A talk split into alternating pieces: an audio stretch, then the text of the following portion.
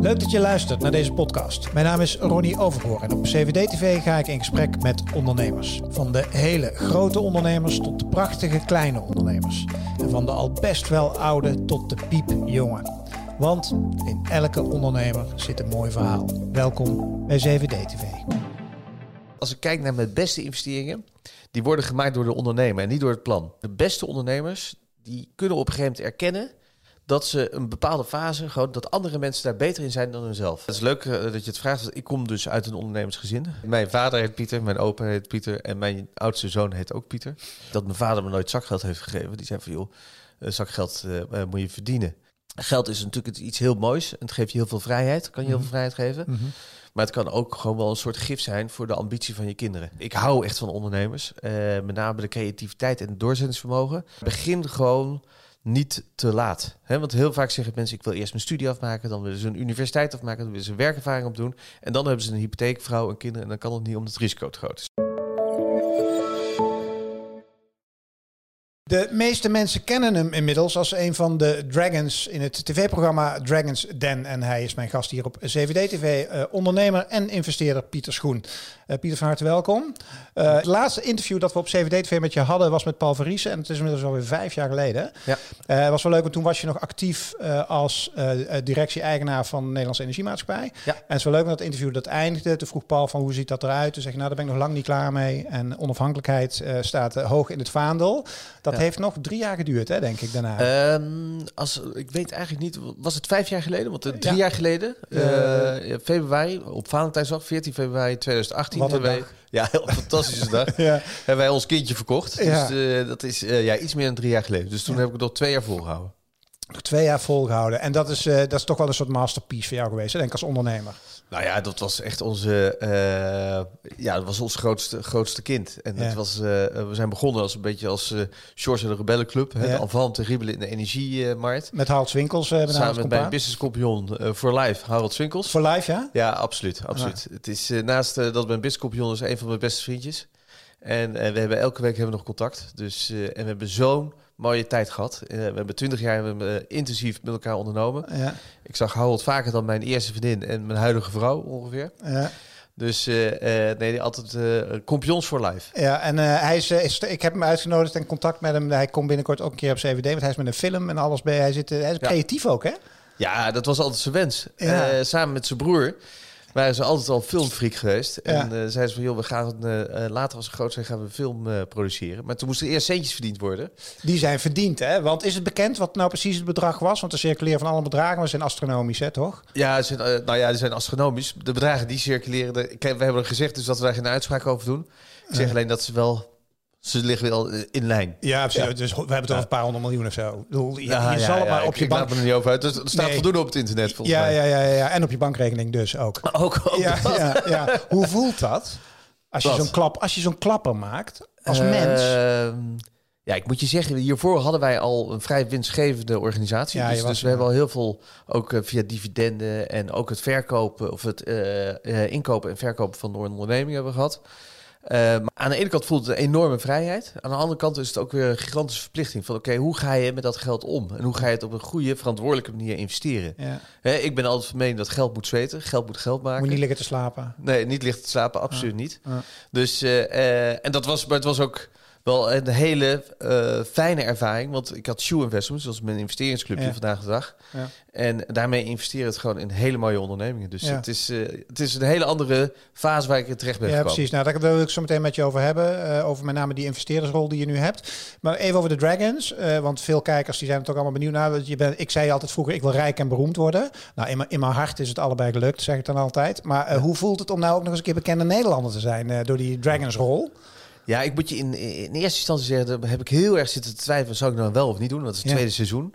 Dat heb ik met mijn vrouw erover gehad. En, uh, maar ik vond het zo bij mij passen. Want kijk, ik ben begonnen als ondernemer samen met Harold. Maar op een gegeven moment, twaalf jaar geleden, merkte ik ook dat ik het investeren in ondernemers nog, uh, nog leuker vind dan het ondernemen zelf. En uh, dit is een beetje mijn bread and butter wat ik nu doe. Hè? Dus het selecteren van pareltjes, zoals ik het noem. Ja. En uh, om daar te investeren. Dus het was echt op mijn lijf geschreven. En ik vind het ontzettend leuk. Ja, heb je last van BN'erschap? Want je wordt natuurlijk wel op straat herkend nu en dat soort dingen. Of valt dat wel mee in Nederland? Nee, nee, ik word wel herkend. Ja. En eh, wat ik eh, eh, eh, ook zie, is het heel veel door jongeren. Ja. En eh, die dan wel graag met je op de foto willen, et cetera. Dus eh, nee, ik word wel herkend. En soms vind ik het leuk en soms vind ik, eh, vind ik het minder leuk. Want met name eigenlijk als mensen eh, op het terrasje alleen maar naar je zitten te kijken... Ja. en van, is het hem, is het hem? En, eh, en dan denk ik van, oké, nou laat me maar, weet je. Ja, ja, ja, ja, even wennen. Ja. Eh, die investeerdersrol, je zei al, Shoe, Shoe Investments. Ehm, welk, even, even, even de pitch. Wat voor investeringen lopen er nu op dit moment allemaal met, met je investeringsclub? Met mijn investeringsclub, ja. Ja? dat Hoeveel er- zijn het er? Eh, nou ja, het zijn er heel veel. Ja. Als je indirect en direct meeneemt, zijn het er meer dan 50. Maar als je kijkt naar shoe investments, en dat is meer de skill-ups. Dus je hebt eigenlijk verschil tussen start-ups. Hè, dat, eh, het zijn bedrijven die net zijn begonnen. Ja. En skill-ups zijn bedrijven die, ja, wat wij zeggen- al zeggen, die al 5 miljoen euro omzet hebben. eh, al wat winst maken en al een track record hebben. En een grote groeipotentieel. hebben. Ja, en daarin zitten we nu in, in, in 12 eh, eh, bedrijven, in die skill-ups. Ja. En dat zijn, eh, het zijn de tickets, zoals je dat noemt, tussen de 2 en maximaal 15 miljoen euro die we dan investeren. Oké, en jullie stappen er meestal voor een minderheid in? Of, of, is Eh, nou, ja, dat hangt er een beetje vanaf. Eh we willen, eh, laat ik het zo zeggen, we vinden vier dingen vinden we echt heel erg belangrijk met Ja. Shoe Investments. En dat is eerst de vent, dan de tent. Of soms moet ik ook zeggen, eerst de vrouw en dan ja, het maar dat, gebouw. maar dat rijmt niet. Oh, dan het gebouw. ja, het gebouw wel. Ja, is leuk. Ja. Ja. Ja, hè, want eh, ik ben echt van mening dat als ik kijk naar mijn beste investeringen, die worden gemaakt door de ondernemer en niet door het plan. Hmm. Hè, een goede ondernemer maakt niet uit of je in de water, in de energie of in de pennen zit of whatever. Het, het verschil wordt echt gemaakt door de ondernemer. Dat hebben, we- dat hebben we nu al gezien. Mhm. Het tweede is, is, het moet schaalbaar zijn. Wij houden heel erg graag van ondernemingen die we heel erg snel kunnen popcornen, zoals we dat noemen, hè, kunnen opschalen. ja, mooie beeldspraak, ja. Ja, Ja. Het derde is, is dat eh, we moeten de business kunnen begrijpen. Ik heb hiervoor heb ik ook in de farmacie heb ik geïnvesteerd. Nou, geloof me, je kan beter naar het casino gaan. en het laatste is, en misschien ook, eh, ik noem het als laatste, maar zeker niet het onbelangrijkste is, wij willen meewerkend voorman zijn. Hè? We willen niet Ja. met een lolly op de achterbank zitten als investeerder. Mhm. Maar we willen gewoon graag met de ondernemer toegevoegde waarde kunnen bieden aan, aan de onderneming en de groei van de onderneming. En waarom is farmacie zo'n gokhal? Nou, farmacie is een gokhal, omdat eh, ik vond het heel erg mooi om eh, maatschappelijk verantwoord te ondernemen. Hè, om echt te investeren ook in medicijnen. Omdat ik Mhm. denk van ja, dat vind ik ook eh, een mooie, hè, iets moois. Mhm. Alleen als je ziet hoeveel procent er eigenlijk niet lukt, of hoe lang het duurt voordat een medicijn echt op de markt kan komen en er revenue uitkomen. Ja. En wat je eigenlijk moet doen met, met, met medicijnen, is dat je nooit op één medicijn moet gokken. Omdat er zo'n grote kans is, hè, 95% dat het iets niet doorgaat, moet je eigenlijk altijd in een mandje investeren. ja, terwijl de investeringen natuurlijk giga zijn om uiteindelijk zeg maar, to market te gaan met een Als, medicijn. als, als, er, als er iets doorkomt, dan, eh, dan zijn de returns, zoals ze dat noemen, Ja. dat zijn enorm. Ja. Ja. Wat is, noem eens een pareltje even concreet eruit. Dat is altijd lastig, hè? want het zijn natuurlijk allemaal kindjes van je. Maar noem er eens eentje waarvan je denkt van, ah, Nou dat ja, is een mooi eh, voorbeeld. eh, het, zijn, het zijn er heel veel, echt, echt hele mooie. Maar bijvoorbeeld eentje, en dat is toch wel een beetje omdat het heel erg dicht bij me zit. Toen ik de energiemaatschappij heb verkocht in 2018 aan de Nutsgroep. Eh, toen hebben we daarna zijn we vrij snel zijn we ingestapt in een Belgische energieleverancier. En die heet Mega. En Mega had eh, toen 55.000 klanten. En eh, die hebben we echt met onze kennis en kunde en ervaring hebben we zeven overnames gedaan. En vandaag de dag zijn ze na drie jaar zijn ze van 55.000 klanten naar 770.000 klanten. Ja, en zijn ze de plek vier of zoiets verlopen in België? En in België Ja. en in Frankrijk zijn ze ook de nummer, nummer vijf nu. Want eh, Frankrijk is, heb je twee hele grote spelers. Mm. Maar eh, het is, eh, ja, dus ik vind dat eh, een geweldig spel. Als jij in aanraking komt, hè, dat is leuk voor ondernemers die zitten te kijken natuurlijk. Ehm, waar let jij op bij, je noemt net die vier aspecten. Ja. Maar jij krijgt natuurlijk waanzinnig veel verzoeken, kan ik me zo Ja. weer voorstellen. Laat, laat, eens omdraaien.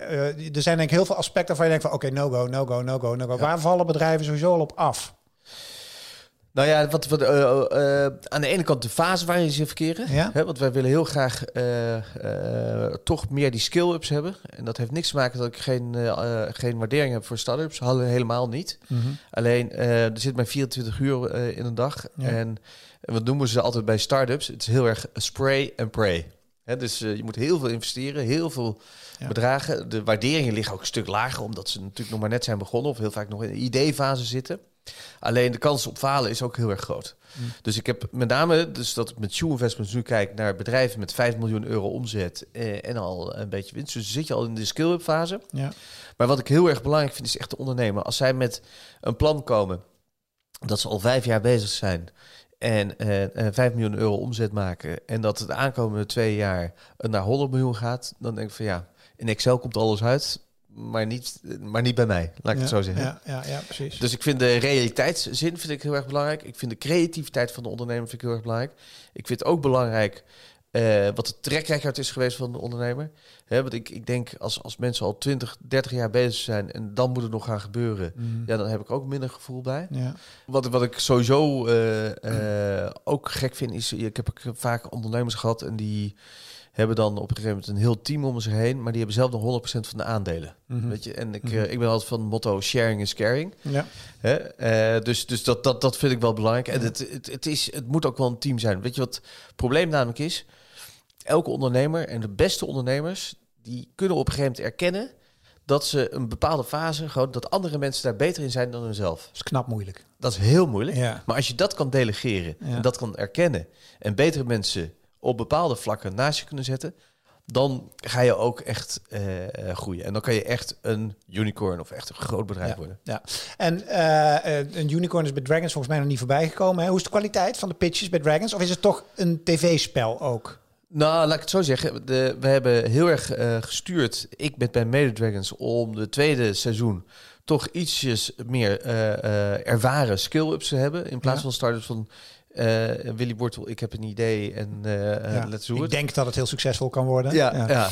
Maar weet je, de NPO die wil natuurlijk ook een beetje een gemixte variant hebben. Ja. Hè? Dus, dus ik vind het wel heel erg. Ik vind het wel heel erg mooi hoe mensen daar soms staan te pitchen. Ja. Het verbaast me eigenlijk. En ik, nou, het verbaast me niet, maar soms ben ik wel een beetje. heb ik het wel te doen met, met, met de pitches. Dan zijn ze zo nerveus. En dan moeten ze het weer opnieuw doen. En dan komen ze niet uit hun woorden. En noem maar op. Ja, en, en eh, voor televisiemakers is dat natuurlijk fantastisch. Omdat dat, hè, dat, dat kijk, eh, vinden Ja. de kijkers waarschijnlijk spannend. Ja. Alleen, eh, ja, ik heb echt wel pitches gezien dat ik denk van, nou, poeh, Oh, wil je medelijden, ja. Ja. Want gaan er veel deals? Want het is een mondelinge deal, hè, toch? Die op televisie maakt. Het is niet Het, een. is- het is een mondelinge deal. Wij hebben helaas ook gezien bij het tweede seizoen. Om, toen zaten we met onze pitches. En de, en de uitzending was heel erg dicht op elkaar. Mm. En toen hebben we een paar bedrijven hebben we gezien. En ik ga geen namen noemen, dat Mm. waarschijnlijk is de volgende vraag. Maar eh, die eh, gigantisch veel eh, tractie hebben gekregen. Dus heel veel eh orde aanvragen. Door het, door de Dragons. Door, door het, uit- de uitzending. Hè? Ik bedoel, je Ja. hebt toch over een miljoen plus kijkers. Ja. En ehm, ik, zeg, ik zie het zelf ook met mijn LinkedIn, die, die ontploft bijna na elke Ja. uitzending. ja. Maar in ieder geval, ehm, en daardoor zagen ze dus op een gegeven moment dat ze toch terugkwamen op hun deal. Of dat hun deal eigenlijk niet zo... Heel veel, dat de zaken er anders voor stonden dan dat zij bij de pitch hadden gezegd. Dus eh, ik- het Ja, eerste ja, jaar ging ongeveer 70% door. Dit jaar gaat ik denk 50, eh 60% Ja, eh, ja, door. ja, ja, we- ze worden, ze worden slimmer wat dat betreft. Ze gaan er straks, we moeten voor oppassen natuurlijk. Hè, Nou, we dat hebben er het ook een paar eh, gehad die eh, daadwerkelijk eh, zeiden van naar de hand van we doen het toch niet. En, maar bedankt. We Bedankt voor hebben het podium. Ja, bedankt voor het podium. Ja, ja, ja, ja, inderdaad. Ehm, wat vind jij van ehm, eh, idealisme eh, binnen ondernemers? Natuurlijk best wel een, vind ik, een soort van trend. Zeker ook bij Ja. jongere ondernemers. Hè. Ze hebben allemaal een missie. En ze willen allemaal de wereld verbeteren. Aan de andere kant denk ik ook van, nou, dat is volgens mij ook wel knap nodig. Ja. Hoe vind jij die combi van idealisme en eh, ondernemerschap? Ja. Ja, ik vind dat eh, eh, aan zich vind ik dat wel heel erg goed. Ik geloof alleen in idealisme als er ook wel een goed businessplan achter zit. Ja. Weet je, ik bedoel, het gaat pas echt vliegen. Hè, als je er ook, eh, dat klinkt misschien heel erg cru, maar als er ook geld mee verdiend kan worden. Hè, anders blijft het gewoon bij een idealisme en blijft het bij een heel erg ja, minimale eh, draagvlak, eh et cetera. Dus ik sta er absoluut voor open. Ook op het gebied van duurzame energie. Op het gebied van, nou wat ik tegen zei, ik heb medicijnen geprobeerd. Maar dat eh doe je al op een andere manier. Maar, maar in ieder geval eh, eh, eh, ook met vegan eten. ja precies. Voeding natuurlijk. De hele Voeding, voedingsindustrie. ja, voeding is natuurlijk enorm Ja. hè, ja, hip en happening nu. Als je kijkt hoeveel, ook onder de jongen, hoeveel meer mensen het zijn vegan of vegetarisch worden. Zelfs mijn eigen kind, hè, mijn, mijn oudste dochter, die eh elf, elfjarige leeftijd zei van, joh, ik word gewoon vegetariër. En nog steeds, ik dacht, nou, het is even, een, Even- een, even een, een periodiek dingetje, ja, ja. maar ze is het nog steeds. Ja. Ja. Nee, dus ik sta daar 100% achter. Er moet alleen wel een businessmodel achter zitten. Dat blijft wel, eh, zeg maar, een, een lastig ding. Hè? Want je kan ook, eh, ik had vorige week weer iemand had een heel gesprek over. Ja, je kan ook zeggen van luister, ik ben zeker bij de grote ondernemingen zie je natuurlijk. Hè? Lees de banken, de verzekeringen, de, gasten Ja. die echt miljarden winst draaien. Ja. dan kun je natuurlijk ook een gigantische impact maken. Even heel naïef gezegd, door te zeggen van jongens, we hebben een miljard winst. Laten we daar uh, zeg maar de helft van afpikken. En dan gaan we met die helft gaan we de wereld verbeteren. Geloof jij daar dan in? Ja, ik vind dat je. Uh, gisteren is ook een uitspraak geweest over, over een rechter over Shell. Hè? Dus, dus dat de verduurzaming in stel moest gebeuren. Volgens mij moest in 2045 moet nu 50 procent. Ja, Milieudefensie heeft daar in die case gewonnen nu. Ja, ja, ja. En dat was best wel. Aan de ene kant denk ik van, vind ik het een hele goede zaak, hè, dat, mm dat, dat de mhm. echte vervuilers worden aangepakt. Aan de andere kant denk ik van ja, in hoeverre moet de rechterlijke macht zich daarover uitspreken? Is dat niet meer een overheidsding, dan dat je dat aan de rechters overlaat? En uh, ik ben toch wel een liberaal. Ik geloof in een vrije, vrije marktwerking. Ik ben mhm. ook een koopman. Uh, dus ik vind, uh, ik vind dat we absoluut allemaal uh, een steentje moeten bijdragen en dat het ook meer moet. En dat er ook wet en regelgeving komt om die CO2 terug te brengen. Alleen, of dat nou echt met halvering van de winst moet gebeuren. En uh, dan, ja, dat, dat gaat mij als, als, als liberaal iets te ver. Ja. ja. Jij bent het laatste onderwerp, wat je, er zitten veel jonge ondernemers te kijken. Ehm, hoe belangrijk is het om in een ondernemersnest op te groeien om later succesvol te worden? Ja, het is leuk dat je het vraagt. Ik kom dus uit een ondernemersgezin. Ja. Uh, in 1722 hadden mijn uh, voorouders een hele creatieve naam bedacht. Dat heette Pieter Schoen en Zoon. Nou mijn vader heet Pieter, mijn opa heet Pieter en mijn oudste zoon heet ook Pieter. En wij kwamen uit de verfindustrie. Uiteindelijk is dat Sigma Coach en Histor geworden. Aha. maar ik, ik, het ondernemen is wel echt met, me, met de paplepel bij mij... ben ik mee opgegroeid. Wat betekende, dat, wat betekende dat dan? zeg maar? Dat betekende eigenlijk dat mijn vader me nooit zakgeld heeft gegeven. Die zei van, joh, zakgeld moet je verdienen. Mm. dus als er dan uh, vrienden langskwamen van mijn vader, dan moest ik die auto's gaan wassen. Mm. Hè? En wat ik nu ook bij mijn kinderen heb gedaan, die krijgen ook geen zakgeld, maar die krijgen de verdubbelaar. Dus als ze ergens werken, hè, dan krijgen ze dus op een gegeven moment, want ik vind ook echt dat ze moeten werken. Ja. Hè? En ze krijgen dan 8 euro of 10 euro per uur. Dan verdubbel ik die 8 of 10 euro. Zo, om ze zo te motiveren dat ze gewoon ook moeten werken voor hun, uh, voor hun zakgeld. Oh, dat is best lucratief. Er zullen wel mensen die nu zitten nou kijken, die willen wel jouw kind Soms werkt ze iets te veel, vind ik. Ja, dat snap ik. ja, dat tik, dat tik. Maar ik, ik, vind het niet erg als, als ze dat doen om, om dat te verdubbelen in plaats van uh, veel zakgeld. Want je hebt ook heel veel lucratieve ondernemers. En dat is, meestal is dat zijn de, weer uh, de nieuwkomers hè, die dan in één keer geld hebben. En dan zie je toch dat de generatie daarna toch enigszins verpest wordt. Hè? Ik bedoel... Hmm Geld is natuurlijk iets heel moois. En het geeft je heel veel vrijheid. Kan je heel veel mhm. vrijheid geven. Mhm. Maar het kan ook gewoon wel een soort gif zijn voor de ambitie van je kinderen. Ja. En, en dat heb ik. Uh, zelf zie ik dat het best moeilijk is om daar een juiste balans in te vinden. Ja. Uh, Napoleon heeft ooit de successierechten eh, ingeschakeld. Dat zei van joh, geld is een soort gif voor je kinderen. Ja. Uiteindelijk had hij het geld gewoon nodig voor zijn oorlog voeren, et cetera. Maar, uh, maar ik ben het er wel mee eens. Het is, het is best wel moeilijk om een balans te vinden. Zeker als je toch een bepaalde leefstijl hebt en dat je wil dat ze met de beide voeten op de grond staan. Ja, en tegelijkertijd ze zich gewoon realiseren van er is natuurlijk bij jullie een vangnet van hier tot Tokio. Ik bedoel, ik heb altijd gezegd van ik vind het, ik heb niks te klagen, maar ik moet wel nog werken voor mijn centen en op een manier vind ik dat prettig of zo. Terwijl je kan in jullie geval heel makkelijk denken van ja, voor het geld hoeven we het niet meer te doen, want dat is natuurlijk in grote getalen aanwezig. Ja, ja, en het gekke is, uh, mijn moeder noemde me altijd het rupsje nooit genoeg. ik was altijd gewoon meer, meer, meer, harder, De auteur daarvan, die is vandaag overleden. overleden. Ja, ja, ja, 91, jaar. jaar. ja. ik moest nog aan mijn moeder denken, die is ook helaas overleden. Maar ik zag dat en denk van, hé hey, joh. En uh, het was mijn lievelingsboek ook. Uh, de rupsie alles had om een vlinder te worden. Ja, dus jij bent nooit lui geworden of, of passief geworden of zeg maar, nee. omdat je het geld had? Nee, nee. Uh, sterker nog, soms heb ik als ik lang op vakantie ben, word ik heel erg onrustig. Voel ik mezelf schuldig. Ik voel mezelf ook schuldig als ik gewoon uh, lang niet op kantoor ben geweest. Of bepaalde meetings. Of dat ik te weinig doe. Dus uh, dat zit er bij mij niet in. Alleen, ik heb heel veel mensen die gewoon ook heel eerlijk zijn. Die zeggen van luister eens. als ik op een gegeven moment zoveel geld verdien. Ja, dan ga ik lekker in de hangmat zitten. En op de golfbaan. En van mijn leven genieten. Alleen ja, ik ben heel erg ongeduldig. En, uh, Waar dus komt dat van? Wat is die drijfveer dan? Is dat zeg maar ouderwets Calvinisme? Of, of is het. Uh, wat, wat nou, zit ik denk niet dat het Calvinisme is. Misschien een mix daarvan. Maar het is meer gewoon. het willen creëren, het willen bouwen aan iets. elke keer zit ik te denken van oké, nu staan we hier, waar gaan we naartoe? ik vind het ook heel erg leuk. Ik bedoel, met Shoe Investments hebben we de afgelopen jaren hebben we ook echt hele slimme eh, welpen, noemen we dat dan. Hè, aangenomen, het zijn allemaal econometristen en noem maar op. Ja, ja, En ik vind het gewoon leuk om daar weer een familie van te maken. En om een mooiere, grotere onderneming te investeren. Dus het is gewoon eigenlijk meer een behoefte om iets te creëren. Er zit echt een intrinsieke motivatie zit daarachter, Ja. dus blijkbaar. Ja, Dat is. Daar mag je blij mee zijn, toch? Nou, daar ben, daar ben ik ook ontzettend blij mee. Daar ben ik ontzettend blij mee. En het houdt me ook aan de ene kant eh, jeugdig. Weet je, bedoel, als ik, ik zou niet moeten denken dat ik de hele dag op een golfbaan moet gaan staan. en, dan, nee. En dan zou ik ook veel te snel gaan drinken. Joh, dat wordt helemaal, dat is helemaal niks voor mij. Nee, moeten we maar niet doen. Ehm, tot slot, ehm, wat zijn belangrijke eh, tips die je mee kan geven aan... eh, ik ontmoet veel jonge ondernemers, vaak zelfs niet eens ondernemers... maar mensen die zeggen, ik wil ondernemen, ik weet alleen niet wat ik moet doen. Ja. Eh, wat zijn belangrijke tips die je eh, als guru kan meegeven aan dat soort jonge gasten? Ja, wat ik altijd zeg, ik bedoel, ik, ik hou echt van ondernemers. Met name de creativiteit en het doorzettingsvermogen. Ja. Ondernemen is een stalen kind krijgen van het vallen. Maar begin gewoon niet te laat. Want heel vaak zeggen mensen, ik wil eerst mijn studie afmaken, dan willen ze een universiteit afmaken, dan willen ze een werkervaring opdoen. En dan hebben ze een hypotheek, vrouw en kinderen en dan kan het niet omdat het risico te groot is. Dus begin gewoon in je studietijd, als je een goed idee hebt, ga een keer op je bek, maar probeer voor, eh, absoluut weer op te staan. En- Wel, wel studeren? ja, eh, ik moest helaas na vier jaar, en ik, eh, ik had alleen mijn scriptie en nog, nog een wiskundige modelbasis, een vak. Ging ik naar mijn vader toe en zei: Papa, ik ben nog niet afgestudeerd, maar ik ben wel uitgestudeerd.